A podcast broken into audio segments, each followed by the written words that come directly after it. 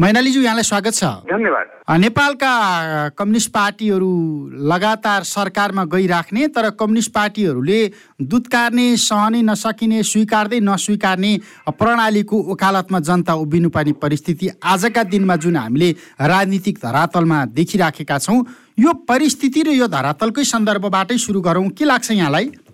यो बडो विस्मयकारी घटना हो।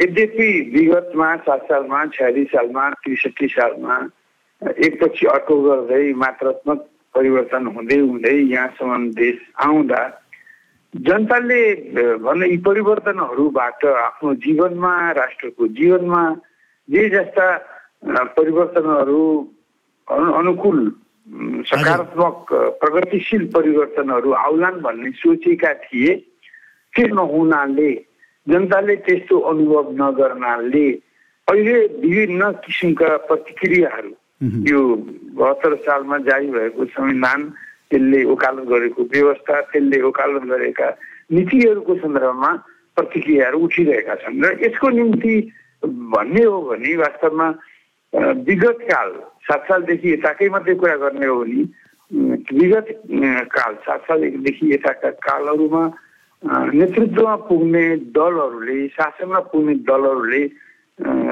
ठिक ढङ्गले आफ्नो सिद्धान्त अनुरूप अब जनसेवा र समाज परिवर्तनको भावना अनुकूल र नैतिक र भनौँ न सुशासन अथवा पारदर्शी शासन गर्न नसकेको हुनाले नै यस्ता भनौँ न धेरै जनताले विरोध गर्नुपर्ने विष उत्पन्न हुन गएका छन्। यस्तो स्थिति उत्पन्न हुनको लागि सात सालपछि विशेष गरी छयालिस सालपछि दलहरूको नेतृत्वको सरकारका कामहरू नै जिम्मेदार छन् र ती सरकारमा पनि पहिले काङ्ग्रेसले नेतृत्व गरेका सरकारमा नेपाली कम्युनिस्ट पार्टीका को सहभागिता थियो तिनीहरूको त्यस्ता सरकारको मात्रै नभएर कम्युनिस्टहरूकै नेतृत्वका सरकारहरूका पनि गलत नीति र रवैयाको कारणले जस्तो तपाईँ दुई हजार अठाइस सालको झापा आन्दोलन पछाडिका हरेक राजनीतिक घुम्तीको साक्षी हुनुहुन्छ त्योभन्दा अगाडिको राजनीतिक घटनाक्रम राम्रोसँग बुझिराख्नु भएको छ। त्यसभन्दा पछाडिको नेपालको संसदीय निर्वाचन प्रणालीमा आएको जनमतहरू हेर्ने हो भने नेपाली जनताले कम्युनिस्टलाई असाध्यै मन पराउँछन्। जनमतले त्यही देखाउँछ। ब्यालेटमा ब्यालेटको सन्दर्भ हेरौँ अथवा बुलेटकै सन्दर्भ हेरौँ कम्युनिस्टहरूलाई जनताले सधैँ बोक्छन् उचाल्छन् सत्तामा लगेर राख्छन् अनि कम्युनिस्टहरूले चाहिँ सङ्घीयता गणतन्त्र र धर्मनिरपेक्षता भन्ने आफ्नो एजेन्डालाई सधैँ तिलाञ्जली दिन्छन् भन्ने एउटा सङ्गीन आरोप लाग्छ। त्यो आरोपबाट तपाईँहरू कोही पनि कम्युनिस्ट नेताहरू मुक्त नहुने परिस्थिति बनेको छ। किन सत्ताले कम्युनिस्टहरूलाई बिगारेको हो यसरी? वास्तवमा तपाईँले ठिकै भन्नुभयो कि चाहे कम्युनिस्ट पार्टीको नेतृत्वमा भएको भएका सरकार हुन् या अरूका नेतृत्वमा भएका सरकारहरू हुन् उनीहरू उनीहरू सबैले मुखले जे राम्रा कुराहरू भट्याए र जनतालाई चुनाए र जनताको भोट लिए ती राम्रा कुराहरूको कार्यान्वयन गर्न उनीहरूले गरेनन्। उनीहरूले आप आफ्नो वरिपरिका मानिसहरूको हितको निम्ति आफ्नो गुटको हितको निम्ति यो चुनावदेखि त्यो चुनावसम्म जित्ने उद्देश्यको निम्ति जे जति कामहरू गरे यसले गर्दा जनताले आफ्नो जीवनमा अपेक्षित परिवर्तन पाउन सकेनन्। र हामी देखिरहेका छौँ कि देशमा गरिबी बढिरहेको छ महँगी बढिरहेको छ भ्रष्टाचार बढिरहेको छ। अब यो विदेशी र स्वदेशी ऋण बढिरहेको छ। छयालिस सालमा छ सात हजार प्रत्येक नेपालीको टाउकोमा ऋण थियो भने आज सत्तरी असी हजार ऋण पुगिरहेको छ। र देशमाबाट जनताको पलायन भइरहेको छ र देशका हक अधिकारहरू पनि भनौँ छयालिस सालदेखि यता ती खुसिएका हक अधिकारहरू थप प्राप्त हुनुभन्दा ती झन् खुसीले गएका छन् जस्तो कि छयालिस साल को परिवर्तनपछि पछि महाकाली सन्धि हुँदै अगाडि बढ्दै जाने क्रममा छयत्तर सालको कार्तिकमा नेपालले आफ्नो चार सय वर्ग किलोमिटर जति जमिन पश्चिमी कालापानी क्षेत्रको जमिन गुमाउनु पर्यो त्यो अहिले एउटा छिमेकी दक्षिणको छिमेकीको कब्जामा पुगेको छ। त्यो विरोध गर्दै आएको देशका विकासको कार्यक्रम जस्तो देखिने वास्तविक रूपमा त्यो एउटा एउटा रणनीतिक चालबाजीको कार्यक्रम भएको एमसिसीलाई संसदले नि यिनै काङ्ग्रेस एमाले माओवादीको सहभागितामा र एमालेकै समर्थनमा त्यसले एमसिसीलाई पास गरेको छ र विदेशीहरूको प्रभाव र चलखेल नेपालमा हातै बढेको छ यी जस्ता जे जस्ता कामहरू भए ती कामहरू चाहिँ कम्युनिस्ट पार्टीले जनतालाई सुनाउन गरेका बाचा कौलहरूको विपरीत कामहरू भए गर्दा नि अहिले जनताले ती गलत परिवर्तन पश्चात साल छयालिस साल त्रिसठी साल विशेष गरी त्रिसठी सालको परिवर्तन पछि जे जस्ता राम्रा कुराहरू होलान् भनेर जनताले सोचेका थिए त्यसको विपरीत अघि मैले भने जस्तो गरिबी महँगी बेरोजगारी भ्रष्टाचार बेचित्री यी सारा कुरा बढेको हुनाले नि जनताले त्यो बढेको त्यस्ता बेचित्रीको विरोध गर्न पुगे। त्यो विरोध गर्दा उनीहरू अब त्यो त्यस्तो बेचिती ल्याउने सरकार त्यस्तो बेचिती ल्याउने दलहरू होइन त्यस्तो बेचिती ल्याउने स्थितिको विरोधमा उनीहरू उठिन पुगे। त्यही कारण यो यी दलहरूले छयालिस सालपछि राम्रा कुरा सुनाएर जे जे नराम्रो कामहरू गरे ती नराम्रा कारणहरूले ती नराम्रा कामहरूको कारणले गर्दा जनता यस्तो विरोधी प्रतिक्रियामा उत्पन्न भएका हुन् र यसको निम्ति जिम्मेदारहरू छ भनौँ न छया छयालिस सालपछि झन् किटेरै भन्ने हो। दलहरू नै हुन्। त्यसमा पनि कम्युनिस्ट नामधारी दलहरू र प्रजातन्त्र नामधारी दलहरू राष्ट्रवादी नामधारी दलहरू जो सत्तामा पुगेर शासनमा शासन कार्य सञ्चालन गर्न पुगे उनीहरूका दोषहरूले गर्दा नै यो स्थिति उत्पन्न भएको हो र अहिले आएर तपाईँले अघि ठिकै भन्नुभयो कि दलहरू त्यसमा पनि कम्युनिस्ट दलहरूले आफ्नो सिद्धान्त आफ्नो नीति आफ्नो धर्म आफ्नो दायित्व छोडेकोले गर्दा आज जनता ती दलहरूकै विरोधमा उठिएका छन्। यो दुःखद कुरा हो। अब जस्तो दुई हजार चौसठी साल जेठ तिस गते ज्ञानेन्द्र शाहले राजगद्दी र राज राजदण्ड अनि राजदरबार छोड्नुभन्दा अगाडिसम्म हामीलाई ज्ञानेन्द्र शाहले अथवा राजतन्त्रले राज संस्थाले काम गर्नै दिएन जनताको पक्षमा। हामी निरङ्कुश राजतन्त्रको त्यो त्यसमा डोमिनेट भएर शासन सत्तामा बस्नु पर्यो काम गर्न पाएनौँ भने। आजका दिनमा साधारण रूप नागरिकको हैसियतमा हिँडिराखेका ज्ञानेन्द्र शाहले हामीलाई काम गर्न दिएनन् उनी चलखेल गरे भनेर फेरि अर्को उनी माथि नै आरोप लागिराखेको छ र विशेष गरी यो आरोप चाहिँ कम्युनिस्ट नेताले नै लागिराखेका छन्। के राज संस्था समग्रमा यो बैसठी त्रिसठीको आन्दोलनपछि अथवा छयालिस सालको आन्दोलन पछाडि जनपक्षीय काम गर्ने मामिलामा बाधक भनेको हो? एउटा कुरा के हो भने यो वास्तवमा नेपाल चाहिँ भनौँ न दुई हजार छ साल त्यसको त्यो अघिदेखि नै नेपालमा जो परिवर्तन सकारात्मक परिवर्तनको जो कल्पना जनताले गरे ती परिवर्तनहरूका दुईटा पक्ष थिए। होइन एउटा राष्ट्रिय पक्ष थियो जो बाह्य हस्तक्षेपकारी शक्तिहरूको हस्तक्षेप शोषण उत्पीडनको विरोध उत्पीडनबाट मुक्ति चाहने एउटा राष्ट्रिय अभिभार राष्ट्रिय लक्ष्य थियो। दोस्रो भनौँ अब पहिलेदेखि रहिआएको सामन्तवादी व्यवस्था र पछि थपिएको विदेशी पुँजी अनि पछि बढ विकसित भएको दलाल पुँजी कमिसनको पुँजीको व्यवस्थाले जनताका हक अधिकार जति कुण्ठित गरेका थिए त्यसलाई हटाउने र जनतालाई अधिकार सम्पन्न बनाउँदै उनीहरूलाई आफ्नो हित र देशको जनताको हित राष्ट्रको स्वतन्त्र सार्वभौमसत्ताको निम्ति अगाडि बढ्ने बाटोको निम्ति ती कुराहरू बाधक रहेका थिए। होइन अहिले पनि ती राष्ट्रिय बाधाहरू र ती प्रजातन्त्रका बाधाहरू त हटेका छैनन्। मैले यसो भन्दै जान मैले के भनौँ भने ठिकै हो कि राज संस्था एउटा भनौँ न एउटा कुलिन परिवारबाट सामन्ती परिवारको भनौँ न वर्गको एउटा प्रतिनिधित्व भयो र उसकोले विगत कालमा सत्र सालपछि पनि जनताका अधिकारहरू कुण्ठित गर्ने कामहरू गर्दै आएको सबैले भोगेको कुरा हो र त्यसको विरोध हुनु लागि नै थियो स्वाभाविक थियो र त्यसको विरोध यो पनि त उचितै पनि थियो। तर अब दुई हजार छयालिस सालपछि अब राज संस्थाको त्यो शासन गर्ने अधिकार समाप्त भयो। त्यसपछि राज संस्था चाहिँ संवैधानिक भनौँ छयालिस सालको आन्दोलनपछि संवैधानिक भनौँ संविधानले सीमा बाँधेको सीमाभित्र त्यो बस्न त्यो बाध्य थियो होइन? र त्यसपछिदेखि जुन अघि मैले चर्चा गरेँ त्यसैदेखि देशमा जुन किसिमका भनौँ न दुर्गतिहरू भए हाम्रो राष्ट्रियता खुसियो जस्तो अघि मैले भने कालापानी विदेशी कब्जामा पुग्यो एक चार सय वर्ग किलोमिटर जति एमसी जस्तो घातक एउटा राष्ट्रलाई घात गर्ने अपारदर्शी सम्झौतालाई पारित गरेर अहिले विदेशीहरूले नेपाललाई आफ्नो परेड मैदान बनाउन खोजिरहेका छन्। यसरी हाम्रो राष्ट्रियतामाथि जुन भनौँ न प्रतिगमन भयो राष्ट्रियतामाथि जुन प्रहार भयो त्यो प्रहार दलहरूकै नेतृत्वको शासनमा भएको त्यसमा राजाको कुनै देखिँदैन। त्यस्तै देशमा जुन किसिमको अर्थतन्त्र विगतमा पञ्चायती कालमा पनि विकसित भएको थियो र पञ्चायत कालमा लास्टतिर भनौँ विदेशी साम्राज्यवादी संस्थाहरूले वर्ल्ड ब्याङ्क भन्नुहोस् या आइएमएफहरूले भन्नुहोस् उसले नेपाललाई उदारीकरण र निजीकरणको दिशामा जाने एउटा सम्झौतामा र हाम्रो अर्थव्यवस्थामा संरचनागत पुनर्रचना गर्न बाध्य गर्ने काममा उसले पञ्चायती कालदेखि नै त्यसलाई लपेट्दै ल्याएको त हो।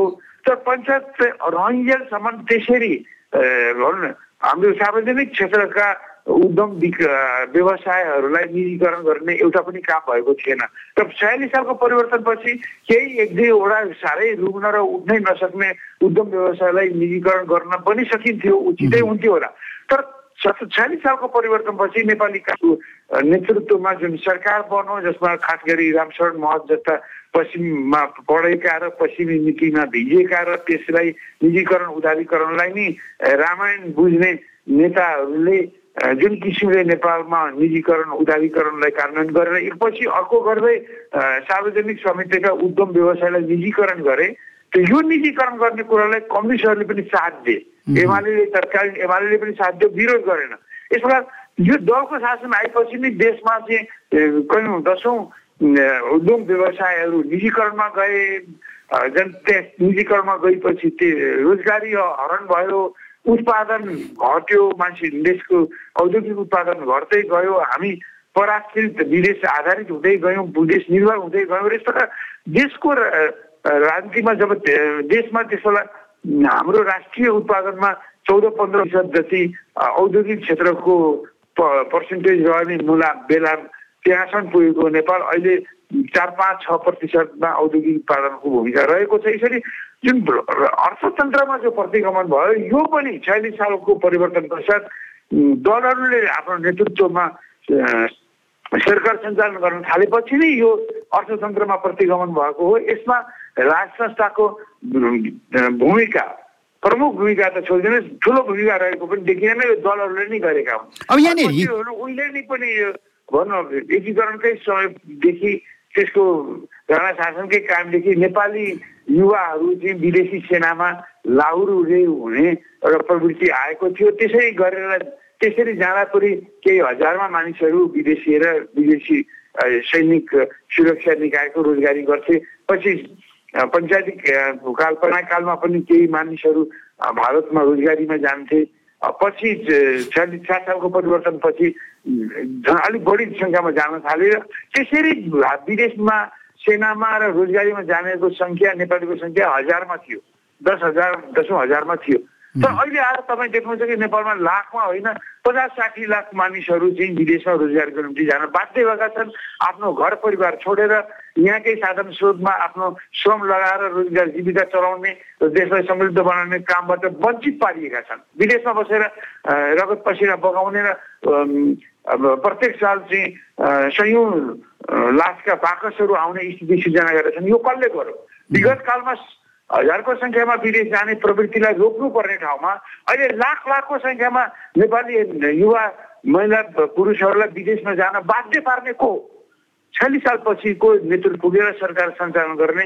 यिनै दलहरू त हुन् कम्युनिस्ट दलहरू हुन् यिनै डेमोक्रेटिक नामहरूको काङ्ग्रेस दल हो राष्ट्रवादी दल पनि त्यसमा संलग्न भएकै हो। यो तेस्रो कुरा पनि उनीहरूकै दलहरूकै कारणमा भएको त्यसमा राष्ट्र संस्थाको कुनै भूमिका देखिँदैन। पछिल्लो बेलामा पनि भन्नुहुन्छ जुन ढङ्गले देशका खोला नालाहरू भेटको रूपमा दानको रूपमा कमिसन खाएर विदेशीहरूलाई चढाउने अब अहिले भनौँ अब बहुमूल्य खनिजहरूका उद्यम भने खनिजहरू पनि देशमा रहेको देखिन्छ युरानियम पनि जस्तो युरेनियम जस्तो। त्यस्ताहरूलाई पनि विदेशीको हात पार्ने ढङ्गले जुन काम भइरहेको छ र हाम्रो प्राकृतिक स्रोत र भौगौरविक स्रोतहरूलाई दोहन गरेर देशलाई समृद्ध बनाउने अधिकारबाट नेपाली जनता वञ्चित भएका छौँ। यो पनि कसले गरौँ छयालिस सालपछि यो प्रतिगमन यो हाम्रो साधन स्रोतहरूबाट जनतालाई वञ्चित गर्ने प्रतिगमनकारी कार्य पनि कसले गर्यो? त्यही छयालिस सालपछि नेतृत्वमा भएका दलको सरकारले नै गरेको हो। यसमा राजा राज संस्थाको भूमिका देखिँदैन। त्यस कारण के भने अब विगत विगत कालमा राज संस्थाले सत्र सालपछि उसका कदम र कार्यले देशमा दक्षिणपन्थी प्रभाव परिवर्तन आयो। यहाँ दलहरूमाथि प्रतिबन्ध लाग्यो दललाई दलीय व्यवस्था खारेज गरियो। निर्दलीय व्यवस्था लागु लागू गरियो र एउटा निरङ्कुश व्यवस्था आयो यसको विरुद्ध हुनु पर्थ्यो गलत थियो यसको विरुद्ध भयो त्यो ठिकै थियो। तर के भने त्यो हटाएपछि दलहरू जब छयालिस सालदेखि सत्ता सञ्चालन गर्ने कार्यकारी प्रमुखको रूपमा आए उनीहरूको कारणले गर्दा देशमा यी चारवटा प्रतिगमनहरू भएका छन्। राष्ट्रिय तहमा प्रतिगमन हो महाकाली एमसिसी मैले अघि भने।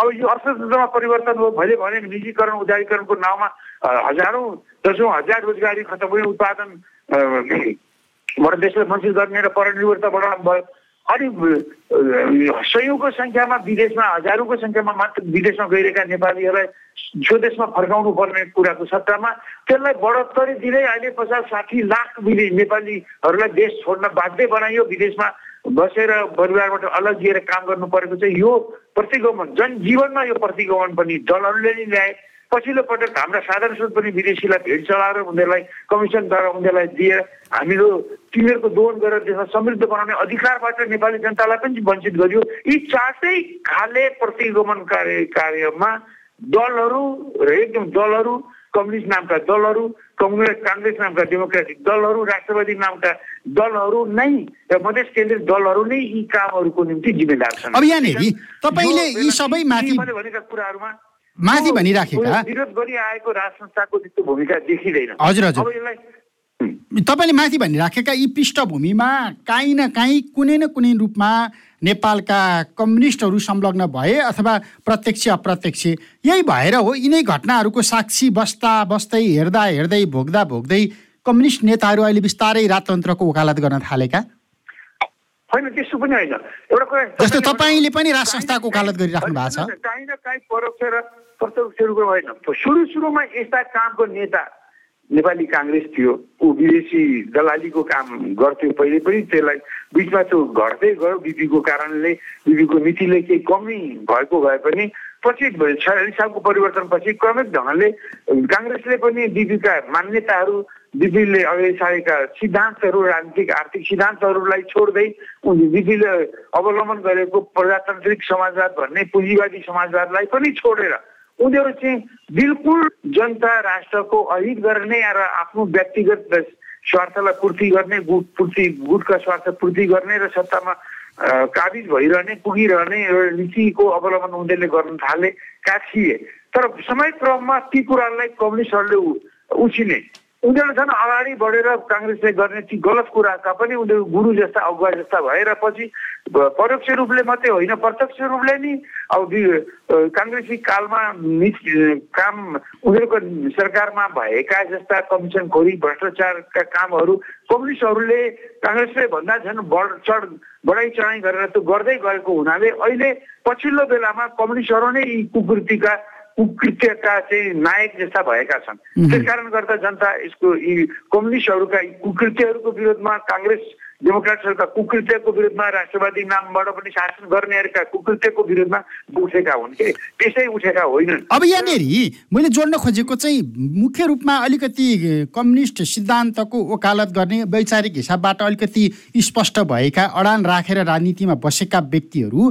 अब यहाँनिर नारायणमान विजुक्सको कुरा गरौँ मोहन वैद्यको कुरा गरौँ मोहन विक्रम सिंहको कुरा गरौँ तपाईँको कुरा गरौँ अथवा तपाईँ जस्ता अरू पुरानो कम्युनिस्ट नेताहरूको कुरा गरौँ उहाँहरू आजका मितिमा होइन नेपालमा राजतन्त्र चाहिने पो रहेछ भन्ने बिन्दुमा पुगेर बहस गर्न थालेको जस्तो देखियो कि यो एक खालको प्रायश्चित हो कि यसलाई कसरी बुझ्ने? यो के भने अहिले जुन ढङ्गको विरोध जनताको विरोध भइरहेको छ र त्यसमा केही प्रबुद्ध नेताहरू राजनीतिक कर्मीहरूले त्यसलाई त्यसमा सकारात्मकता देखिरहेका छन्।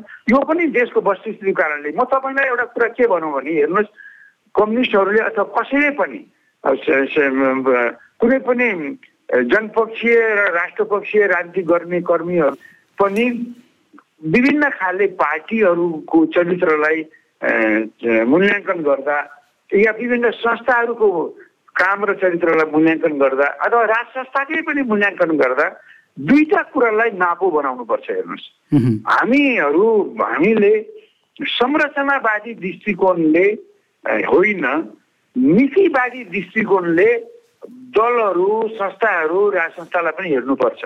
अघि नै मैले भने कि नेपालमा यो दोस्रो विश्वयुद्धपछि नेपालको परिवर्तनका दुईटा पक्षहरू हुन्। एउटा राष्ट्रिय पक्ष बाह्य हस्तक्षेप हस्तक्षेपकारी शक्तिहरूको शोषण उत्पीडनको विरोध गर्ने पक्ष त्यो राष्ट्रिय पक्ष भन्यो एउटा परिवर्तनको एउटा त्यो महत्त्वपूर्ण पक्ष हो। र दोस्रो पक्ष भनेको सामन्तवादी दलाल विदेशी पुँजीको शोषण उत्तीर्णलाई विरोध गर्ने र जनतालाई अधिकार सम्पन्न बनाउने प्रजातान्त्रिक पक्ष अथवा जनवादी पक्ष। राष्ट्रिय जनवादी पक्ष नै अहिलेको परिवर्तनका महत्त्वपूर्ण पक्षहरू हुन्। र अहिले हामीले हेर्दाखेरि यस्तो तपाईँ संस्थालाई हेर्नुहोस् अथवा political party Congress communist party Congress party अथवा राष्ट्रवादी पार्टी अथवा मधेस देश पार्टीलाई हेर्ने हो भने पनि यिनीहरू कति ठिक कति बेठी कति आवश्यक कति अनावश्यक कति सकारात्मक कति नकारात्मक भनेर हेर्ने हो भने यी संस्थाहरू र यी पार्टीहरूले बाह्य हस्तक्षेपकारी शक्तिहरूको शोषण उत्पीडनको विरोधमा के गरे? के गर्छन्? त्यो बाह्य हस्तक्षेपकारी शक्तिहरूको शोषण उत्पीडनको विरोध गर्छन् कि गर्दैनन्? अथवा त्यसको वकालत गर्छन्? भन्ने जाँच्नुपर्छ। र दोस्रो कुरो अघि मैले भने आन्तरिक शोषण उत्पीडन सामन्तवादी दलाल पुँजीवादी विदेशी पुँजीको शोषण उत्पीडनको कति विरोध गर्छन् गर्दैन त्यो हेर्नुपर्छ। किन हामीले नीतिवादी ढङ्गले हेर्नुपर्छ र हामीले संरचनावादी ढङ्गले होइन। त्यो राष्ट्र संस्थालाई राष्ट्र संस्था भएकोले नै त्यसले सधैँभरि गल्ती गर्छ गल्ती गर्छ त्यसलाई विरोध गरेको गरै जानुपर्छ भन्ने पनि होइन। अथवा दल भएकोले कम्युनिस्ट दल भएको अथवा काङ्ग्रेस दल भएको अथवा राष्ट्रवादी दल भएको अथवा मधेस देश दल भएकोले नि यिनीहरूले राम्रै राम्रै राम्रै गर्छन् गल्ती गर्दैनन् गर्दैनन् भन्ने होइन। वास्तवमा राज संस्थाले पनि यो अघि भनेको राष्ट्रिय पक्षमा जनवादी पक्षमा के ठिक गरौँ के बेठी गरौँ अघि नै मैले भने जनवादी हक अधिकारको सन्दर्भमा राज संस्थाको नकारात्मक रोल रह्यो। दोस्रो विरोध गरियो त ठिक छ। तर राष्ट्रिय राष्ट्र राष्ट्रलाई स्वतन्त्र गर्ने मुक्त गर्ने स्वाधीनताको सन्दर्भमा राष्ट्र राष्ट्र संस्थाको भूमिका विगतमा पनि सकारात्मक देखिन्छ। खास गरी छयालिस सात सालको परिवर्तनदेखि राजा महेन्द्रको कालदेखि सकारात्मक देखिन्छ। छयालिस सालपछि पनि सभा सकारात्मक रह्यो। पछिल्लो बेलासम्म अहिलेसम्म पनि त्यो सकारात्मक देखेको छ नकारात्मक देखेको छैन। दोस्रो कुरा दलहरूको कुरा गर्नुहुन्छ भने छयालिस सालको अगाडि पनि अब खास गरी कम्युनिस्ट दलकै कुरा गर्ने हो भने कम्युनिस्ट दल वास्तवमा अत्यन्त धेरै प्रखर जनवादी हुनुपर्ने र प्रखर राष्ट्रिय राष्ट्रवादी अथवा देशभक्त हुनुपर्ने। तर के भने सुरु सुरुमा ऊ कमजोर हुँदै त्यसले राष्ट्रियतालाई संरक्षण गर्ने सन्दर्भमा कमजोर नीति लिँदै लिँदै पछि काङ्ग्रेसभन्दा पनि अगाडि बढेर विदेशीको दलाली गर्ने ठाउँमा पुग्यो। त्यसकारण यो विदेशीको दलाल विदेशीको हस्तक्षेप हस्तक्षेपकारी बाह्य शक्तिहरूको शोषण दमन उत्पीडनको विरोध गर्ने कुरामा कम्युनिस्ट दल सिद्ध आफ्नो सिद्धान्त विपरीत कमजोर हुँदै हुँदै अहिले विदेशीहरूको हस्तक्षेपलाई आमन्त्रण गर्ने ठाउँमा पुगे जसरी काङ्ग्रेसले आमन्त्रण आमन्त्रण गर्छ विदेशीको शोषण र त्यसको गर्ने ठाउँमा पुगे त्यस कारण यस ढङ्गले हेर्ने हो भने देश यी दलहरू र संस्थाहरू राज संस्थाले पनि राष्ट्रियतामा भूमिका के हो राष्ट्रिय हित रक्षा गर्ने कुरामा र जनताको हक अधिकारको सन्दर्भमा उनीहरूको भूमिका के हो भनेर विश्लेषण गर्ने हो भने दलहरू चाहिँ ले विदेशीहरू शक्तिहरूको सहयोग लिएर जनताको हक अधिकारको नाममा प्रजातन्त्रलाई खोक्रो प्रजातन्त्र ल्याउने काममा यी दलहरूको भूमिका रह्यो। र त्यो खोक्रो प्रजातन्त्रको अगाडि राजाको निरुकुशतन्त्र झुक्दै गयो र उनीहरूले त्यसलाई साथ दिनु बाध्य भए छयालिस सालदेखि। तर अहिलेसम्म आएर देख्दा आउँदा हामी के देख्छौँ भने दलहरूले यति धेरै खोक्रो डेमोक्रेसीलाई अगाडि बढाए। त्यो छोक्रो डेमोक्रेसीको निम्ति यति धेरै उनीहरू विदेशी हस्तक्षेपकारी शक्तिहरूसँग सौदेबाजी गर्न पुगे कि आज राष्ट्रको हितलाई सौदेबाजी गर्नेमा बिक्री गर्ने काममा राज संस्थाले बाट पनि हुँदै नभएको विकृतिहरू हुँदै नभएको घुँडा टेकाइ हुँदै हुँदै नभएको लम्पसारवाद नभएको तावेदारीवाद दलहरूले अवलम्बन गरेर पुगे। कारण यो अहिलेको स्थितिमा यो खोक्रो अधिकार चिच्याउने कराउने केही नहुँदाखेरि बिच खाएर मर्ने झुन्डिएर मर्ने आत्महत्या गर्ने अधिकार जनताले पाए। तर आफ्नो जीवनमा परिवर्तन ल्याउने अधिकार जनताले पाएका रहेनछन् जनताको जति धेरै डेमोक्रेसी आयो सात सालमा छयालिस सालमा त्रिसठी सालमा झन्झन अब लोकतन्त्र प्रजातन्त्र हुँदै लोकतन्त्र हुँदै गणतन्त्रसम्म पनि आइसक्यो तर जनताको जीवनमा उनीहरूको अब अब लगभग समय। सकारात्मक परिवर्तन न्यून भयो। कि त्यस कारण यो कोणबाट हेर्दा आज देश चाहिँ दलहरूकै कारणले गर्दा बाह्य शक्तिहरूको चलखेल उनीहरूको हस्तक्षेपको व्यापक बनेको छ। देशको अन्त्यमा लगभग हजुर मैनालीज्यू। स्वतन्त्रता नरहने हो कि भन्ने ठाउँमा पुगेको समय सकियो। म एउटा अन्तिममा विरोधमा लडेर हामीले ती समयमा एउटा उच्च स्तरको परिवर्तन ल्याएका छौँ।